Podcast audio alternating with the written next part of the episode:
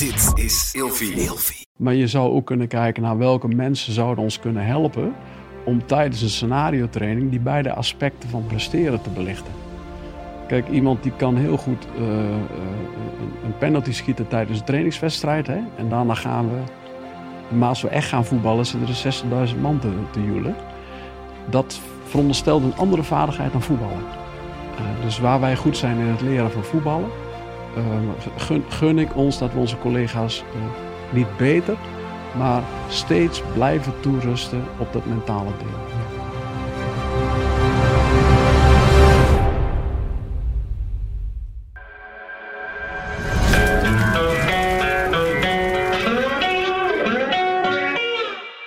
Welkom bij weer een aflevering van uh, Scherpschutters, waar we in een aantal afleveringen uh, in uh, gesprek gaan met trainers, docenten bij politie, defensie en acute zorg. En mijn naam is Erik Heijn. En dit keer is het daadwerkelijk echt een eer voor mij om in gesprek te gaan met Jan Hondorp. ook nog op, wat ik begreep, zijn laatste dag als werknemer ja, bij de ja, Nationale Politie. Ja. En ik geef Jan zo meteen even het woord om zichzelf voor te stellen. Maar um, uh, Jan, bij deze, je, je, bent voor mij een enorme inspiratie geweest gedurende mijn oh, dat is, dat is mooi te horen. Politiecarrière. En ook je, je, je steun in pittige tijden, zeg maar. Dus uh, ontzettend bedankt. En, uh, oh, fijn. Ja. fijn. Fijn te horen. En ja, ook, ook weer fijn jou hier te ontmoeten. Ja, dus, ja. ja bijzonder. bijzonder. Ja. ja. Um, Jan, ja, kun je jezelf even voorstellen, jouw loopbaan bij de politie dus? Nou, even wat we net het voorgesprekje ook al hadden. Ja. Dat is wel leuk. Ja, nou, zoals je misschien wel kunt horen, denk ik. Ik, uh, ik ben geboren in het oosten van het land. Dus daar liggen mijn, mijn roots. Dus daar is de eerste vorming uh, heeft daar plaatsgevonden. Ik ben toen uh, naar de politieopleiding gegaan. Ik heb de politieopleiding de loop executief geweest. Ben al heel snel, ging ik op zoek naar toch, ja, modewoorden, uitdaging en, en avontuur. En ben toegetreden tot arrestatieteams in, vanaf 1980. En heb in die wereld uh, diverse rollen gehad. En uh, tot, tot 2000 ben ik verantwoordelijk geweest uh, voor de AT-opleiding. Ja. Dus dat was het laatste van, van mijn AT-periode. toen een tijd weg bij de, bij de politie geweest. En later is beseft van... Goh, ik kan wellicht nog iets betekenen voor onze blauwe collega's... zoals ik dat dan noem, maar met heel veel respect. En ben toen binnen de IBT-wereld uh, terechtgekomen. En ben daar teamchef geweest van een IBT-afdeling. En werk nu binnen, zoals het dan zo mooi heet, de staf van eh, de trainingsorganisatie Nationale Politie, OBT. Dus operationele begeleiding en training. En IBT, Jan, staat voor, voor de... Integrale beroepsvaardigheidstraining. En uh, wat betekent, houdt dat... Ja, als je, als je het ergens onder zou willen brengen, is, zijn het training in het kader van, van geweldbeheersing. Ja, en dat, dat, welke, welke onderdelen moet ik me daarbij voorstellen? Ja, van oorsprong zijn ze een afgeleide van de RTGP, de regeling toetsing geweldbeheersing politie. Ja. Waarin in die ministeriële regeling staat dat politiemedewerkers uh, drie, drie toetsen per jaar moeten afleggen. Dat is een schiettoets, een zelfverdedigingsvaardigheidstoets en een uh, kennistoets, dus een juridische toets. En een afgeleide daarvan is dan zeg maar, de IBT-training. Alleen inmiddels door de jaren heen is dat, zijn dat echte trainingen geworden die... Uh, die in teken staan van geweldbeheersing. Dus omgaan met je middelen, omgaan met, de, met zeg maar communicatieve vaardigheden en het beheersen van geweld, maar soms ook wel het, het, uh, begrenzen van geweld. Ja, ja. En, en, dan, en dan noem je ook nog OBT, want je bent teamchef ja. geweest van een IBT-centrum, hè? Ja, ja. Ja. Later naar de landelijke... Na de reorganisatie, uh, kijk als, als teamchef was ik, had ik een verantwoording af te leggen naar de uh, eenheidsleiding. Alleen na de reorganisatie is, hebben we een nationale politie gekregen. Dus ook een nationale uh, trainingsorganisatie. En dat is de OBT-organisatie geworden. Dat is OBT, en daar is in ondergebracht het, het, delen, het deel rijveiligheid en rijvaardigheid. Het deel voor de begeleiding van de studenten en, het, en het, eh, waar we het net over hadden, het IBT-deel, dus de integrale beroepsvaardigheidstraining. Oké. Ja, dus drie, drie domeinen, allemaal uh, ondergebracht bij OBT. En dan, dan, uh, nou, dan hebben we even een beetje in kaart gebracht, hè? wel heel snel eventjes de afgelopen x aantal jaren. Even weer, weer terug naar het begin. Jij meldt je aan bij de politie. Dat, ging, dat ging dan via een nou ja, uh, in die tijd, en als, terwijl, ik het, terwijl ik het uitspreek, denk van, oh ja, je, je bent inderdaad uh, bijna 65, ging dat met een bonnetje in de radiobode. Ik heb er twee uitgeknipt. Eentje voor de Corps Mariniers en eentje voor de politie. En in die tijd kwam de politie als eerste de oprit oprijden. En voor ik het wist had ik een uniform aan en zat ik op school.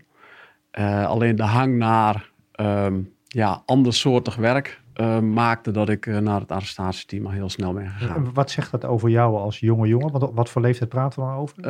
Um, ik ging met 18 naar school. stond met 19,5 op straat. En realiseerde mij dat ik dacht van nou, ik, ik, ik, ik had een aantal praktijkervaringen waarvan ik dacht van goh, ik wil, ik wil in een ander spectrum ook boeven vangen. En dat spectrum was dan het hoge geweldspectrum.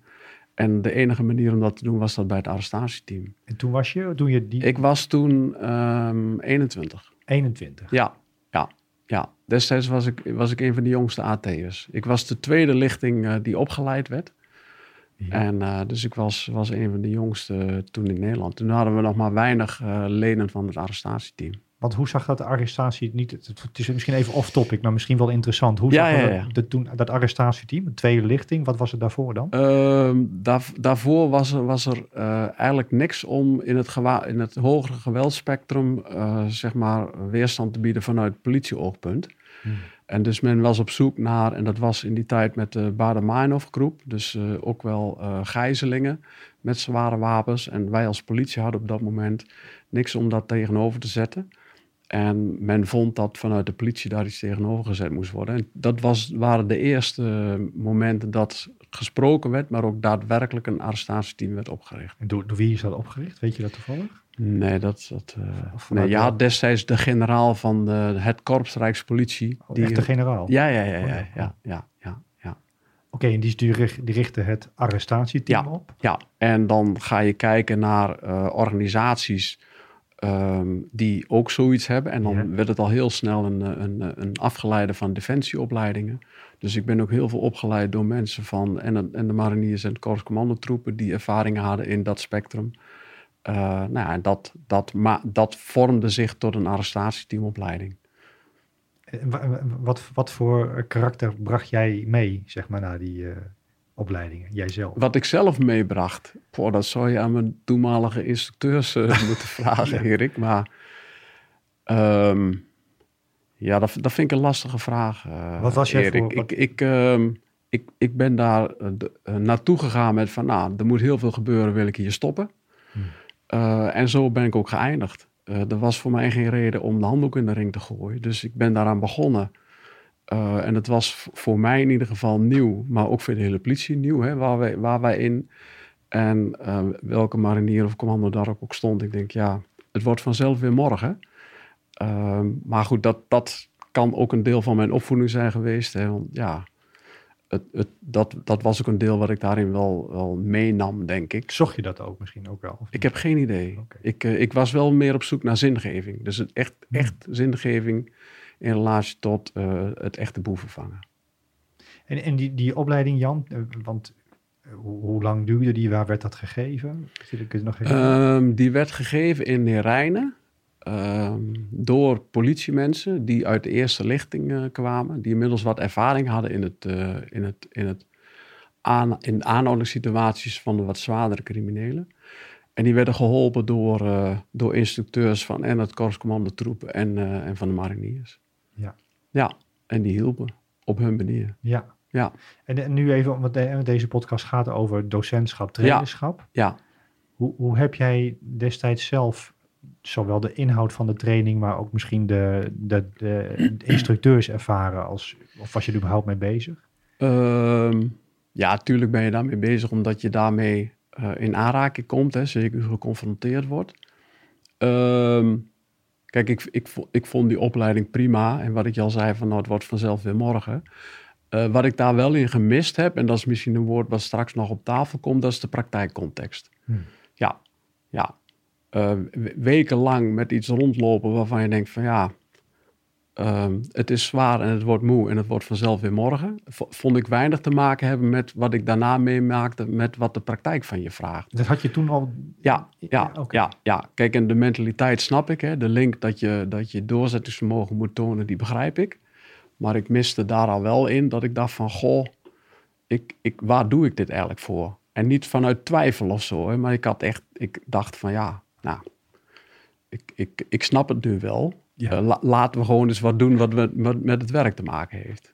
En ben jij daarna eh, zelf eh, als opleider, docent? Ja, dus ik heb heel lang bij het AT gewerkt. Ja. En op een x-moment doet zich een situatie voor dat je eens kunt inkijken, wat ideeën delen tijdens zo'n AT-opleiding.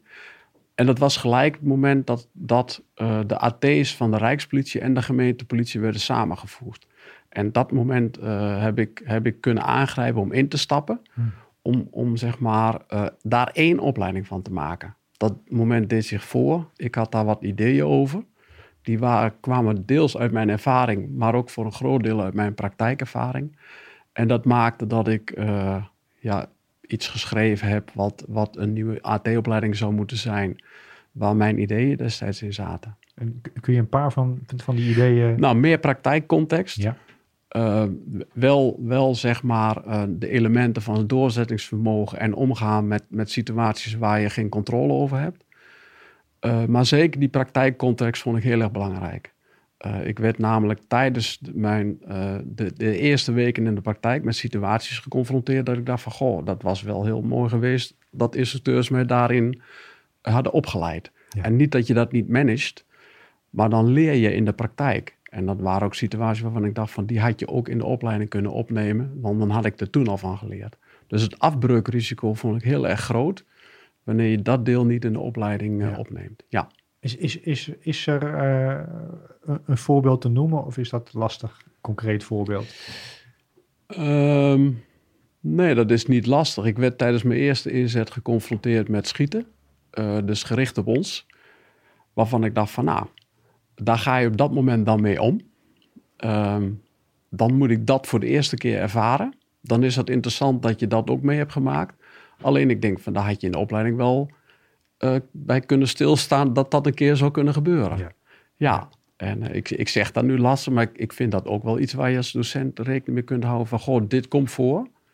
Ehm, dus laten we daar een onderdeel van maken tijdens de opleiding. En Ja. daar, daar dus de cursisten ehm, mee confronteren, eh, omdat dat voor kan komen. Ja. Ja, zo- zodat ik een mentaal repertoire ontwikkel hoe ik daarmee om moet gaan. Ja.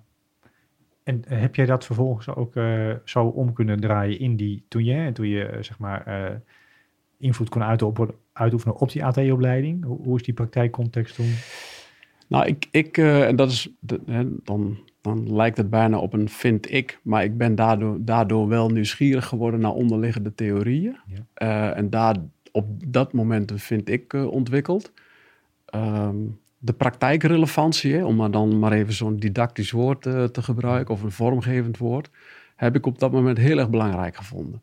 En zelfs doorzetten en zelfs een slotenmars of een, of een bielsenmars, het maakt mij niet uit, kan een praktijkrelevante context met zich meebrengen. Eh, dus ik heb altijd de uitdaging gezocht in, ehm, in zeg maar dat mentale aspect, maar wel de praktijkrelevantie. Kijk, want een inzet kan twee dagen duren en met, eh, na, na 48 uur messcherp moeten zijn. Nou, dan heb je al een praktijkcontext te pakken die, die een mentale, enorme mentale component met zich mee heeft en toch een praktijkcontext heeft. Alleen dat, dat heb, heeft men mij toen nooit zo uitgelegd. Dus ik miste, ik, dat miste ik wel in mijn opleiding destijds. En hoe, hoe heb je dat eh, concreet vormgegeven toen? toen je het, Door, door eh, hè, wat ik net al benoemde, Ja. door zware en uitputtende mentaal zware momenten, altijd een element van presteren in te bouwen die te maken heeft met de praktijk. En ook uit te leggen eh, wat er op dat moment wellicht met je brein gebeurt, maar dat toch de situatie vraagt dat je nu even, zeg maar, presteert. Ja, en, en was jij zelf ook docent in die opleiding of was je middelontwikkelaar van het programma? eh, beide. Beide. Beide, beide. Eh, ontwerper, ontwikkelaar. Maar zeg maar ook wel het scherp houden van de koers eh, die we hadden gezegd dat we ze gingen varen. Maar ook wel het scherp houden van de koers die we zijn gaan varen. Ja. Ehm, kijk, omdat de mensen waar je gebruik van, of gebruik, dat klinkt een beetje lullig, maar waar je zeg maar op leunt eh, vanuit docentschap, die zijn ook op een x manier opgeleid. Dus zo ben ik opgeleid en dit is goed voor de ander. ehm, is nog wel eens een element wat in zo'n opleidingsteam eh, aan de orde is. En, en daar vond ook wel een verandering plaats van gewoon eens even eh, niet beter, maar wel anders kijken naar opleiden.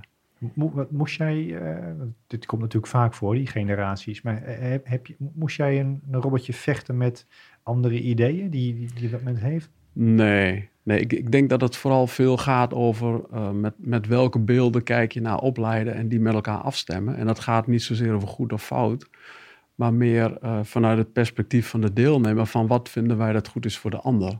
Dus, dus even voorbij wat, wat jij vindt. Ja. Uh, ja, en wat, wat, dus vanuit het oogpunt van de ander, hè, wat het werk vraagt, hè, en het analyseren wat het werk vraagt, en dat terug herleiden naar, en wat moeten we dan dus in de opleiding doen? Ja. Dan krijg je een ander soort gesprek, is mijn ervaring. En hoe, hoe was jij in dat gesprek? in, in de zin van, wat was jij voor ontwikkelaar, docent? Is dat nog... Um, ik, ik, als ik erover nadenk, de, de analyse van zeg maar, welke taken en in welke omstandigheden uh, moet iemand werken. En heel scherp zijn op wat vraagt dat dan van iemand. En dat terugleggen naar, en dat betekent dat we de opleiding zo moeten inrichten. Ja. Ja. En hoe heeft die opleiding zich, uh, zich ontwikkeld, zeg maar? Want je begint daar, want neem aan dat het jouw eerste docent-ontwikkelaar functie is. Ja, ja, ja, ja, ja. Nou, hoe zich dat ontwikkeld heeft, dat um, in de begintijd zijn we, ik, zijn we begonnen met toch wel een opleiding die veel in teken stond van het groepspresteren. Uh, dat was ook wel de manier waarop wij, ik, uh, ben opgeleid. Hè? Ik maak een fout, dan heeft iedereen een fout gemaakt. Alleen in de praktijk merkte ik dat in een inzet er heel vaak besluitvorming op het individu gevraagd werd. En gaandeweg, uh, zeg maar, de, de, de, de opleiding is, hebben we hem omgebogen naar meer assertiviteit vanuit het individu. Hmm. Dus groepsperformance, heel belangrijk, werd gemixt met individuele performance. Dat is voordelig voor mensen die, die zeg maar, dat heel goed aankunnen. En nadelig voor mensen bleek mij, voor mensen die alleen maar leunen op een team. Hmm. Ja, ja. Maar dan zie je ook weer hele mooie dynamieken. Dat mensen die al veel moeten leunen op een ander, ja, dan toch wel moeite, moeite hebben om zeg maar, dat soort opleidingen te volbrengen. Ja. Ja, er wordt op een bepaald moment gewoon besluitvorming, ook op de, in de laagste rangen, uh, vereist, omdat jij op een x-moment in een situatie staat waar je niemand kunt vragen: wat zou ik nou moeten doen? En hoe, hoe zette je dat weg in het onderwijs, heel expliciet ook? Door individuele opdrachten te geven ja. waar veel besluitvorming in zat. Ah. Dus dan word je ook vanzelf resultaat verantwoordelijk. Uh, en dat op te bouwen van makkelijk naar moeilijk. En, en in die, en daar was je. Want... Al in de opleiding. Ja. Ja. Dus ja. ook even te zoeken, want je, je, je komt natuurlijk, je bent, je bent niet van huis uit dan onderwijzer. Dus nee, je, nee, nee, nee. Dit, nee, vind nee. je zelf uit. Uh, nou, niet uitvinden. Lezen, Erik. Ah. Uh, praten met psychologen. Praten met mensen die uh, gedragswetenschappen zijn. Ehm, ja, gewoon ongebreideld op zoek gaan naar kennis. En ja, en, ja ik, ik noem dat maar even filteren. Hè? Dus ja. even filteren met je, met je, met je eigen kennis. Ik, ik durf dus al mijn kinderen zeggen dat ik eigenwijs ben. Ik ben best wel eigenwijs. Uh, maar laat ik dan zeggen dat ik zo eigenwijs ben dat ik de praktijk ken. Maar wel heel erg op zoek ben naar wat zegt een wetenschapper daarvan. Ja. En die werelden bij elkaar brengen. En dan, dan wel Ja. een keuze maken. Ja. Dat is gelijk wel even een bruggetje, Jan. Ook al eh, eh, onze goede vriend eh, Jaap Timmer ook eens gevraagd. Jaap, ik eh, heb de eer om eh, Jan te mogen interviewen. ja, En eh, Jaap is vooraanstaand politiewetenschapper. Hè? Mhm. eh, van de eerste publicaties rondom vuurwapengebruik, als ik me goed eh, herinner, onder schot. En de vraag van Jaap was ook een beetje van hoe gaat zo'n politietrainingsorganisatie nu om met met, wetenschappelijk onderzoek? ja, ja, ja, ja. Wat is jouw ervaring? Nou, de huidige situatie is zo. De, de, de, ik neem even een aanloop om antwoord te geven op jouw Ja, ja. vraag. Hè. We hebben een, een, een aanjager gehad. Dat was de Nationale Ombudsman. Die in 2013 een, eh, een adviesrapportage schreef. waarin hij de politieorganisatie adviseerde om te leren van incidenten. Dat heeft in zich gehad dat er een, eh, een, een systematiek is ingericht. eh, ehm, waarbij iedere eenheid een commissie van geweldsaanwending moest gaan inrichten. Die zijn er nu een aantal jaren. En in die commissie komen alle registraties en mutaties, uh, die komen daar uh, ter tafel. Om, en beoordelen is dan een uh, heel zwaar woord, maar daar zit toch wel een beoordelend karakter onder. Maar die is voor een deel ook bedoeld om van te leren. Wat wij als OBT-organisatie hebben gedaan, want in iedere commissie zit een uh, IBT-docent, die heet uh, de IBT-deskundige. Dus het wordt verondersteld dat een IBT-docent is die mee kan kijken vanuit trainingsoogpunt naar wat heeft zich hier nu afgespeeld. En wij hebben als OBT al die IBT-deskundigen in een overleg uh, um, ondergebracht, het IBT-deskundige overleg. En wij als landelijk orgaan leren van al die incidenten. Zitten daar patronen in? Kunnen we daar iets van leren? Is het een incident of is het een trend? En waarom hebben we die mensen bij elkaar gebracht? Omdat er ontstaat soms een reflex dat we op basis van een incident met een hoge maatschappelijke impact um, iets doen in een, in, in, in een training wat, wat slechts een incident blijkt te zijn en geen patroon. Heb je een voorbeeld? Ik, ik heb wel een idee denk ik erbij. Ja, welk idee heb je? Uh, mijn idee is de befaamde neklem. Ja, ja, ja, ja. Nou, ik, ben daar redelijk nauw bij betrokken geweest, omdat dat was natuurlijk een incident met een hoog, hoog maatschappelijk impact met veel media-aandacht. ik heb daar zelf eens een rekensom op losgelaten van, goh, hoeveel fysieke aanhoudingen vinden er? Nou, zoals als wij nu zitten te praten, zou het zomaar kunnen zijn dat, dat er twintig mensen worden vastgepakt met een controletechniek zoals jij en ik hem hebben aangeleerd. Hè? En die gaat dus gewoon twintig keer goed. Als je dat maal 365 dagen doet, dan kom je vanzelf tot een, een, tot een conclusie dat het gewoon heel vaak goed gaat. Dan nog vind ik dat je als organisatie moet zeggen: we gaan er alles aan doen om te voorkomen dat die ene keer dat het ook goed gaat. Alleen we hebben dan, we, hadden, we constateerden geen patroon dat het fout gaat, dus, dus dat iedereen, heel plat gezegd, een training moest gaan krijgen. Alleen we hebben hem wel uh, iets genuanceerder, we hebben hem opnieuw onder de aandacht gebracht.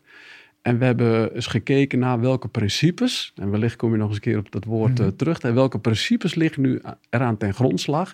Wil je een, een aanhouding doen met een aantal mensen uh, in de situatie toen met die nekklem. Ja. En die principes die hebben we uit, uh, uitgeleerd. Maar dan wel vanuit het oogpunt, het gaat gewoon heel vaak goed. En, en dit, dus dit was even een zijweggetje op, hè, dat je op een gegeven moment zegt van, uh, wat, hè, van, van, Jaap zegt, hoe, doen je, hoe doet politieorganisatie ja. dat dan ja. met wetenschap? En jij zegt van, precies, probeer samen te vatten hoor, van ja. nou, wat we in ieder geval liever niet willen is op elk incident... nee. Nee, dus wij proberen, en als ik wij zeg, dan is het de trainingsorganisatie OBT. Hè? Uh, wij proberen uh, uh, even vooraan de golf te zitten, te kijken wat er uit data komt, wat er zoal speelt, welke situaties er zijn van geweld. En aan de ene kant wat we daar kunnen, van kunnen leren, maar aan de andere kant wat er veel voorkomt. En waarom willen we die laatste weten?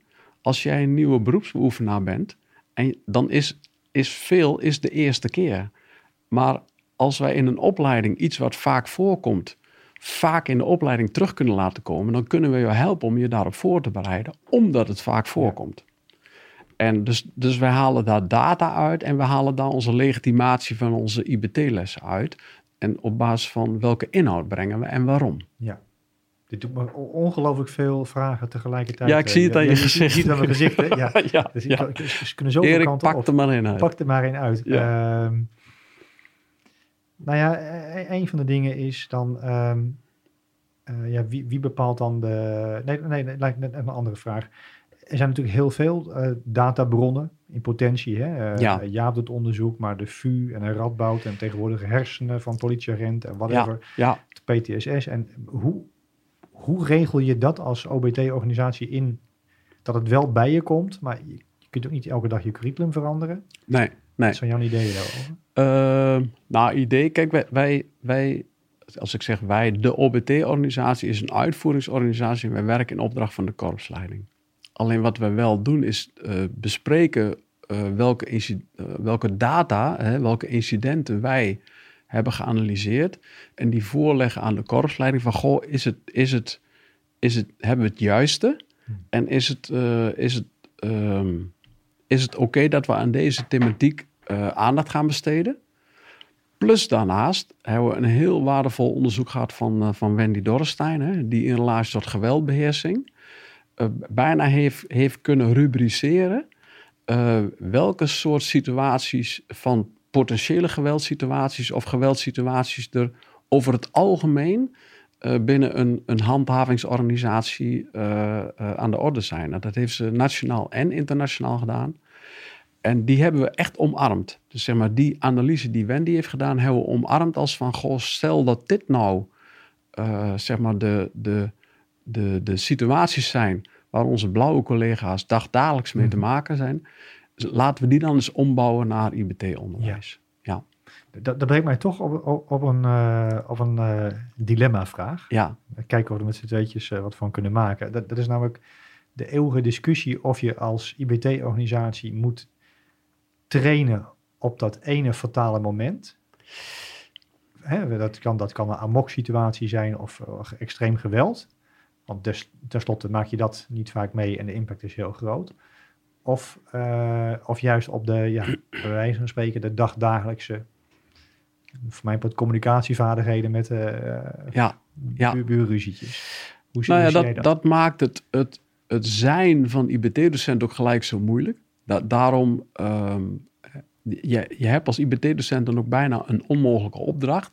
Maar, maar nou, toch, toch doen, hè? ook in die beperkte hoeveelheid tijd. En, en je, raakt, je raakt wel een, eh, een, eh, een onderwerp. Kijk, als je kijkt van waar worden, uh, als ik praat over IBT, voornamelijk te maken met onze blauwe collega's. Hè? Dan is voor 80% uh, heeft alles te maken met iets van hulpverlening en slaat niet gelijk naar het toepassen van geweld of het gebruik van geweldsmiddelen. En toch wil je de mensen binnen dat hele grote spectrum opleiden. Uh, en wat we daarvoor gedaan hebben, is kijken naar wat zijn de succesfactoren van optreden, om dat woord maar even te gebruiken. Ja. En we hebben geanalyseerd wat is nu een succesfactor uh, tijdens situaties van extreem geweld. En zijn die succesfactoren ook de succesfactoren in situaties van minder extreem geweld? En die, die blijken uh, hetzelfde te zijn, hmm. alleen de omstandigheden zijn dan anders. Het geweld waar je tegenover staat zijn anders en de mentale toestand waar je dan in bevindt zijn anders. Dus dat betekent dat je als IBT-docent nog steeds te maken hebt met context. Alleen die, die principes en de succesfactoren zijn hetzelfde. Ja. Alleen je zou daar bijna een didactische opbouw van kunnen maken van makkelijk naar moeilijk, naar extreem moeilijk en bijna naar levensbedreigend. Ja. Ja.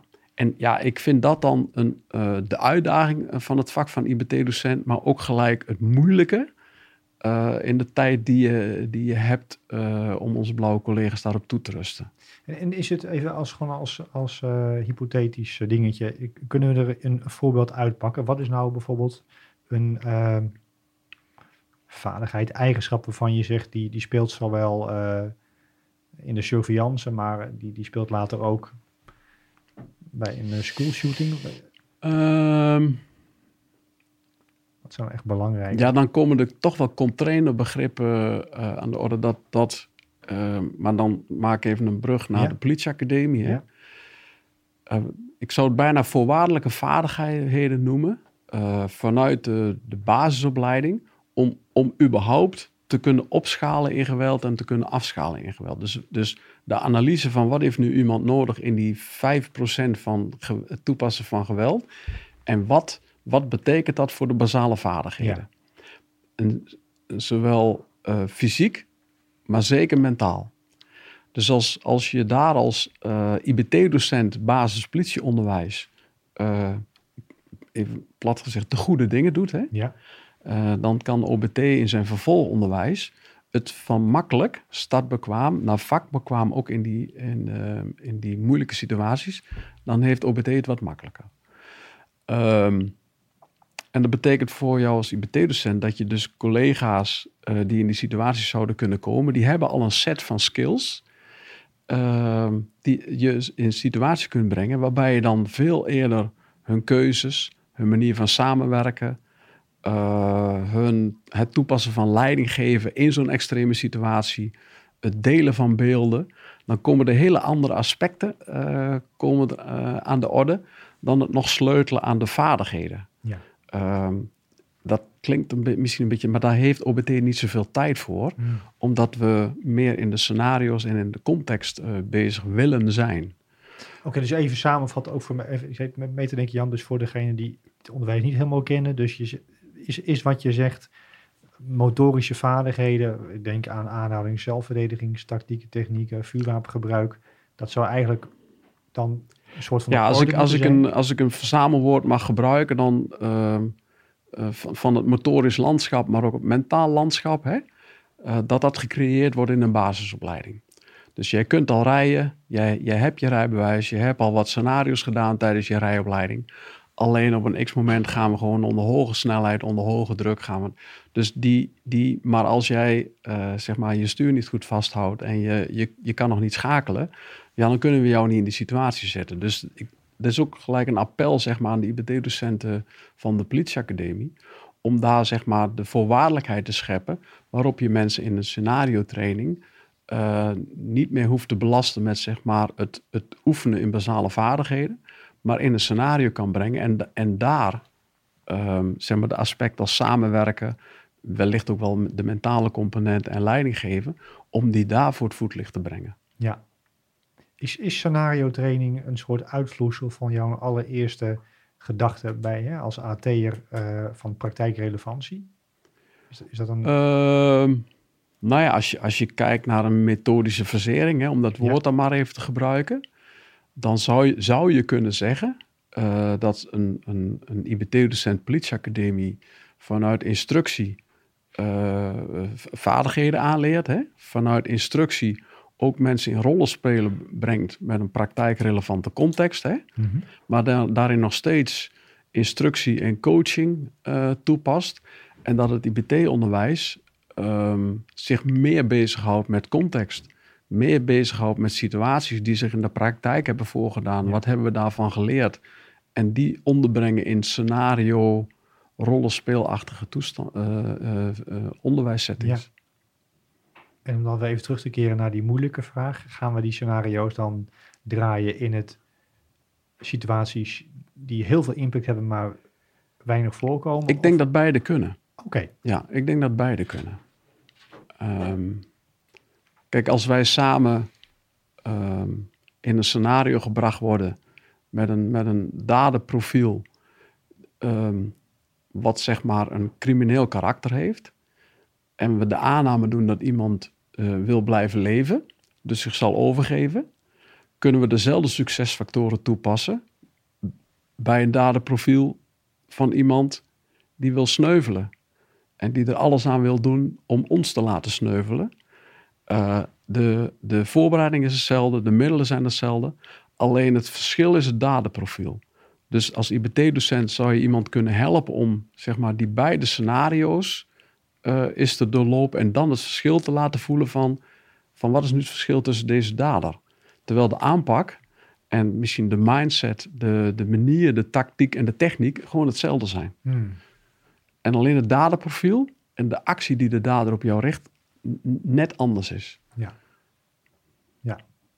Nou heb ik Wendy ooit, maar het kan zijn het risico dat ik haar verkeerd citeer hoor, maar ik herinner me dat ze zei dat in veel van de door haar bekeken scenario's het eh, veel al op eh, schieten niet schieten aankwam. Ja, En dat Ja. dat misschien een misrepresentatie is van hoe het in het echt is. Ja. Ja. Heb jij daar gedachten over? Ehm, ja ik, ik, ik weet niet hoe, in, welk verband zij dit... Ja, voor eh, mij heeft ze gekeken naar scenario trainingen, waarbij Ja. er best wel veel uiteindelijk een kwestie was van eh, ja, wel of niet schieten.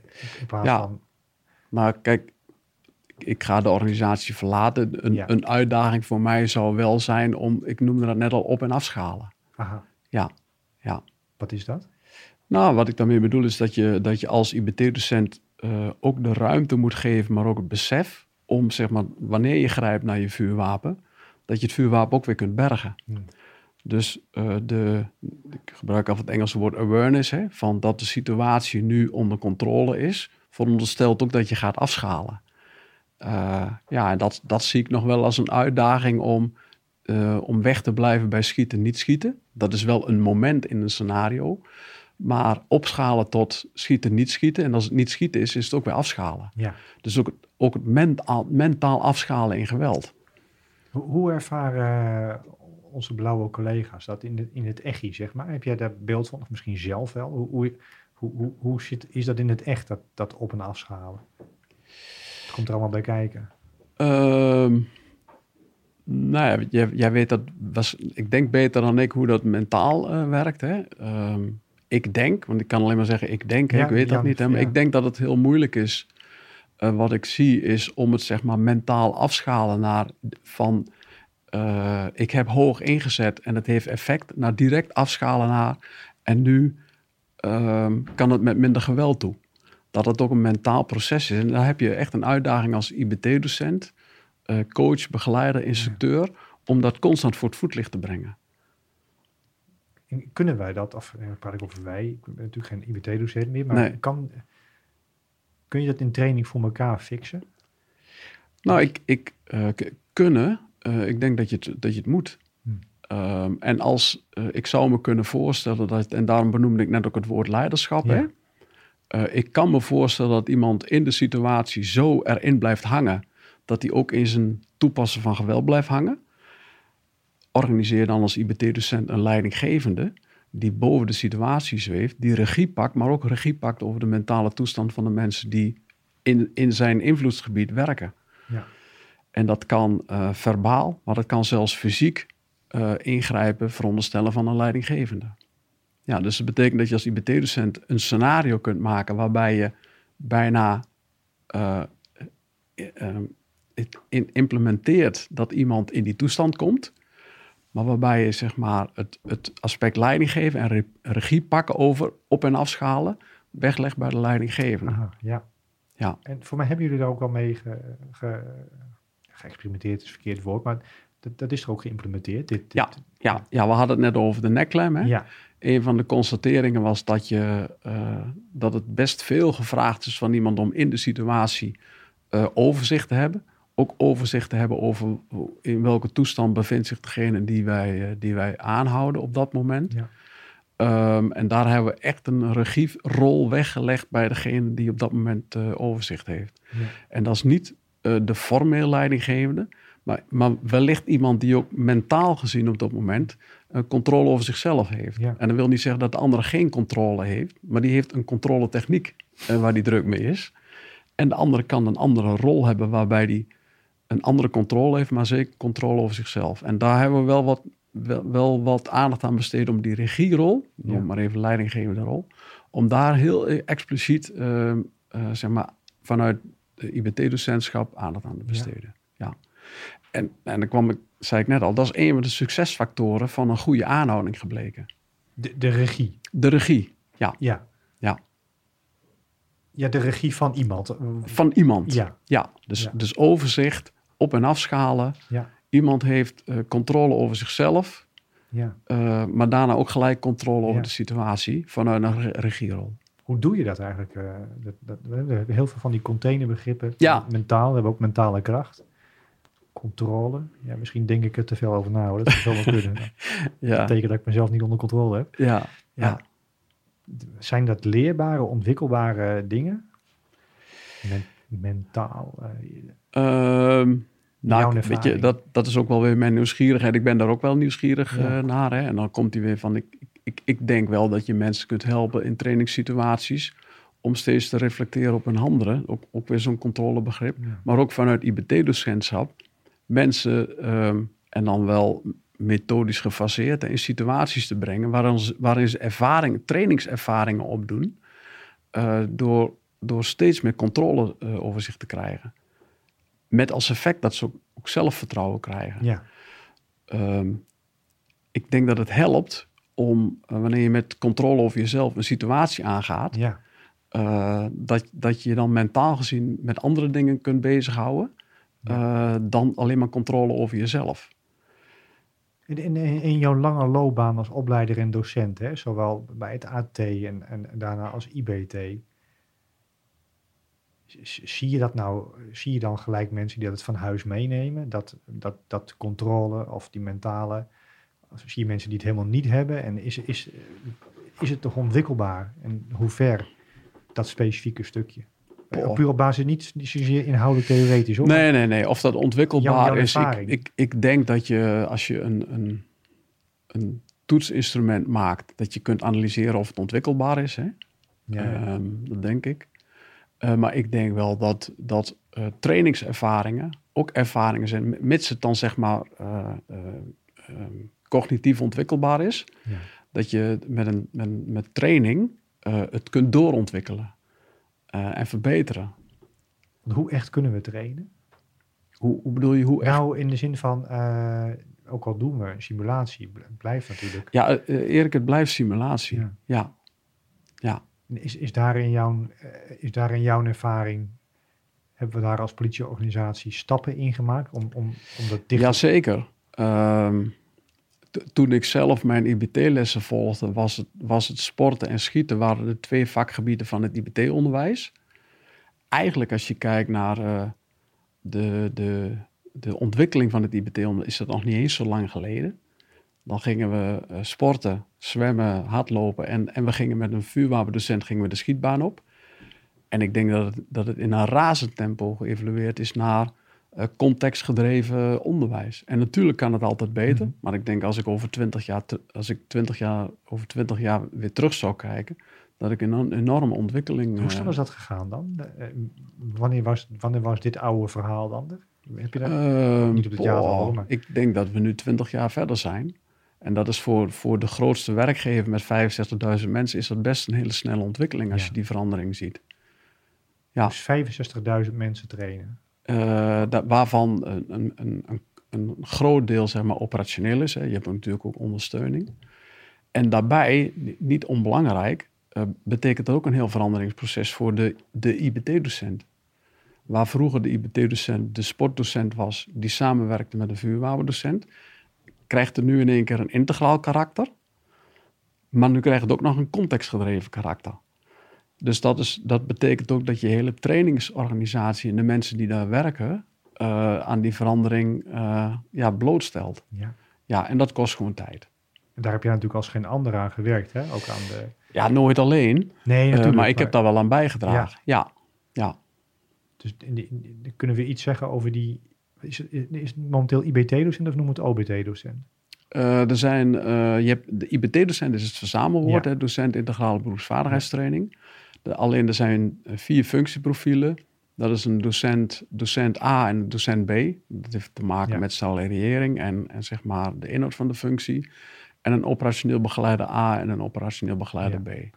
En, en die, die, die docent die er nu is, zeg maar die A en B. Ja, Ja, ik heb zoveel vragen die me daarover te binnen schieten. Ik, ik heb het zelf natuurlijk ook gedaan, maar hoe, wat moet je daar allemaal voor meenemen om dat, eh, om dat goed te doen? Poh.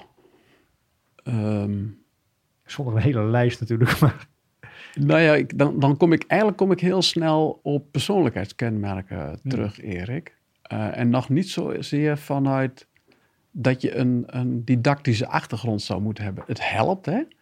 Maar het gaat over dan ontwikkelbaarheid, hè? En misschien zit er wel een overtuiging dat als je iets wilt, dat je het ook kunt leren, hè? En zeker iets cognitiefs.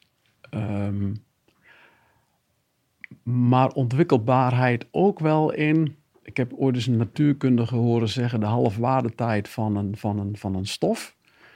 Ehm, het, het, het leven lang leren. En dat Ja. HRM-taal, hè? ja. Om, eh, maar, maar ik vind, en daar komt hij, ik vind dat, de dat de halfwaardetijd van een IBT-docent eh, een hele belangrijke is. En bedoel ik mee dat een IBT-docent, naast dat hij alles zou kunnen, zeker willen leren, ook de, de, de ambitie moet hebben om dat zijn leven lang te blijven doen. Mm. Ik denk dat in deze huidige tijd, als je docent-instructeur bent en je niet, je niet eager bent om jezelf te ontwikkelen, dat je na vijf jaar al verhalen staat te verkopen. Terwijl om je heen de operatie eh, wel doorontwikkelt. ja. De incidenten die daar gebeuren. eh, dus de analyse van wat gebeurt daar nu. Wat betekent dat voor mij en hoe vertaal ik dat naar onderwijs? Ehm, ja, kent voor mij een halfwaardetijd van vijf jaar. En dan eh, als je daarna niet jezelf hebt doorontwikkeld in je vak. ehm, ja, plat gezegd, dan, dan, ja, dan, dan is die stof is, is leeg. Ja. Is- ja. Ja. Het Ja. gaat snel, hè? Ook Ja. in mijn tijd ging het. Ja, ja, ja. Ik heb eens gezocht naar wat betekent eh, de- onze huidige maatschappij waar on- ontwikkelingen heel snel ingaan. En dat betekent dat beroepen zoals die van een IPT-docent een halfwaardetijd kennen van vijf jaar. Zo. En vanaf die andere kant bekeken, Jan. Hè? Uh, ik, ik, heb wat mensen uit de praktijk ook nog gevraagd van... Uh, nou, ik mag uh, Jan interviewen en ja. hoe, hoe, kijken jullie nou tegen IBT aan? En ik heb Charles van Amerongen dan ja. gevraagd, hè? ook voormalig AT-chef mhm. Midden-Nederland. En nu politie-teamchef, ik dacht in Utrecht Centrum. Ja. Maar en zijn vraag ging meer op van, we hebben het met heel veel FTA's, heb ik maar het is ook krap, krap, krap eh, qua capaciteit. En, ja. en zijn er nog ja, creatieve manieren te bedenken om ook buiten IBT nog te trainen? En... Uh, nou, kijk, ik, ik noem het even als voordeel. Ook, ook Charles, zijn medewerkers, die moeten uh, ieder jaar voldoen aan de eisen van de RTGP. Uh, ik, ik vind het ehm, mooi, fijn belangrijk dat daar 32 uur in staat. Het is te weinig, zeker voor het, het, het spectrum waar onze blauwe collega's mee in aanraking komen. Dan praat je maar over 32 uur. Daarnaast ligt dan de uitdaging voor een IBT-docent om dat heel efficiënt en effectief en contextrijk uh, te doen. Hè? Dus, mm dus betekenisvolle omgevingen maken. Dus ook de collega's van Charles, hoe, hoe dan ook, uh, moeten ze 32 uur komen. Ehm, ja, en ik, ik, ik gun onze, met name onze blauwe collega's ehm, dat ze daar meer uren voor krijgen. We zijn wel op zoek, en dat kan nog beter, naar combinaties tussen uh, zeg maar locaties waar je traint, maar ook werkvormen in de operatie. En daar, daar zijn wat experimenten lopende en de, de uitkomsten daarvan zijn, zijn veel betekend dat je, hè, stel wij zijn samen op dienst, we krijgen een melding en die melding die blijkt in één keer dat wij in een oefensituatie komen met een aantal IBT-docenten. Wij, wij doorlopen daar een scenario dat wat een kwartier duurt. Wij uh, reflecteren op ons handelen en gaan daarna weer door met ons werk. Dat, dat zijn wat experimenten die we de laatste tijd hebben gedaan. Die hebben hele goede effecten, uh, maar die kennen een hele uh, ja, belastende organisatievorm qua voorbereiding. Nou, jij, jij komt zelf uit, je weet wat het betekent om zo'n onderwijsvorm voor te bereiden. Um, dat wil niet zeggen dat je het niet moet doen. Nee. Um, en juist wel moet onderzoeken hoe gaan we dit dan doen, omdat het eh, heel erg praktijk nabij is. Ja. Uh, dus dat zegt iets over het effect. Dan sluit je aan bij de vraag van Charles. Uh, hij heeft 32 uur. Het zou meer kunnen, zeker moeten zijn. Maar dan toch nog de, de zoektocht naar hoe effectief kunnen we die 32 uur dan maken. En, en even een hele stomme gedachte, die overvalt mij ook wel eens. Hè? Als, als, je, als, je, als je framet dat we vier keer per jaar trainen, ja. en dus uh, eh, 361 dagen niet. Je zou ook kunnen zeggen van uh, we trainen 365 dagen. Want we zijn altijd aan het. Nou ja, we zijn niet aan het oefenen, maar ze oefenen voor het EGI. Ja is dat ook een leermodel? Dat eigenlijk in feite gewoon leren in de praktijk? Ja, nou... Op IBT-vlak dan?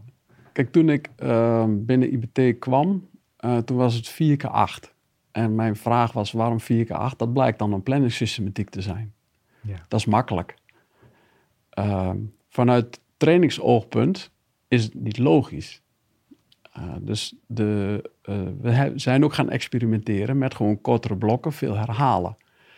Dus het betekent dat je zoekt naar wat is noodzakelijk om iets te implementeren in, in zeg maar de, de, de vaardigheden van collega's. En wat betekent dat didactisch? Maar per definitie zeggen 4K8 vind ik geen logisch uitgangspunt. Want dat is geen trainingsuitgangspunt, maar dat is een bedrijfsvoeringsuitgangspunt. En, en ook daar eh, maken we nu hele goede stappen in. Uh, maar daar heb je ook de operatie voor nodig. Daar heb je een leidinggevende in de operatie nodig die die uh, vanuit, vanuit zeg maar kwaliteits- en prestatieoogpunt zegt: Ik ga er alles aan doen om mijn mensen toe te rusten. Alleen jij, Erik, bent eh, specialist. Ik wil dat jij goed nadenkt over de vorm. En als jij de vorm hebt die het meeste effect heeft, sluit ik bij die vorm aan. Ja. Dus dan benader je hem vanuit leren en ontwikkelen en maximaal presteren. Ja. En niet vanuit, vanuit bedrijfsvoering. Maar dat is wel een, een eeuwig spanningsveld. Gewoon, gewoon mee als IBT-docent. Gewoon op, ja, het, ja, bureau. Ook, ook daar zetten we de laatste jaren hele goede stappen in. Dat heet dan accounthouderschap. Dat is uh, kennen en gekend worden. Um, ook de analyse kunnen doen. Wat, wat is hier, uh, het probleem is misschien een zwaar woord, maar wat is hier de vraag uh, waar de operatie om vraagt?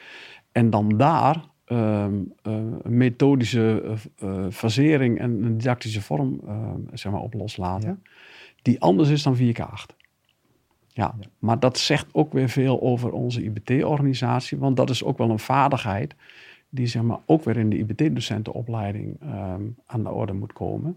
Zodat iemand dat ook kan. En daar zijn we ook mee bezig. Jan, we, hebben nog helaas nog maar 10 minuten. En eigenlijk, ik zit te denken wat. Uh, ja, ik zou het heel fijn vinden. Maar goed, je hebt zo'n mooie carrière gehad. Hè, vanaf AT, AT-opleiding, grote rol gespeeld in OBT, IBT-onderwijs. Wat, wat, zijn, wat, zijn, wat is nog een onderwerp waarvan je zegt dat zou ik heel graag nog ja, willen vertellen, bespreken, met betrekking dan tot onderwijs en training? Ehm, nou, dan, dan als, als, als ik zou beschouwen en ik zou uh, morgen terugkijken en zeg maar de organisatie gunnen, is de mix tussen vaardigheden en mentale componenten. Um, omdat um, de, de situaties van geweldbeheersing ook gepaard gaan met, ja, hoe, hoe, even plat gezegd, hoe zit ik in de wedstrijd? En dat kent dan ook een mentale component.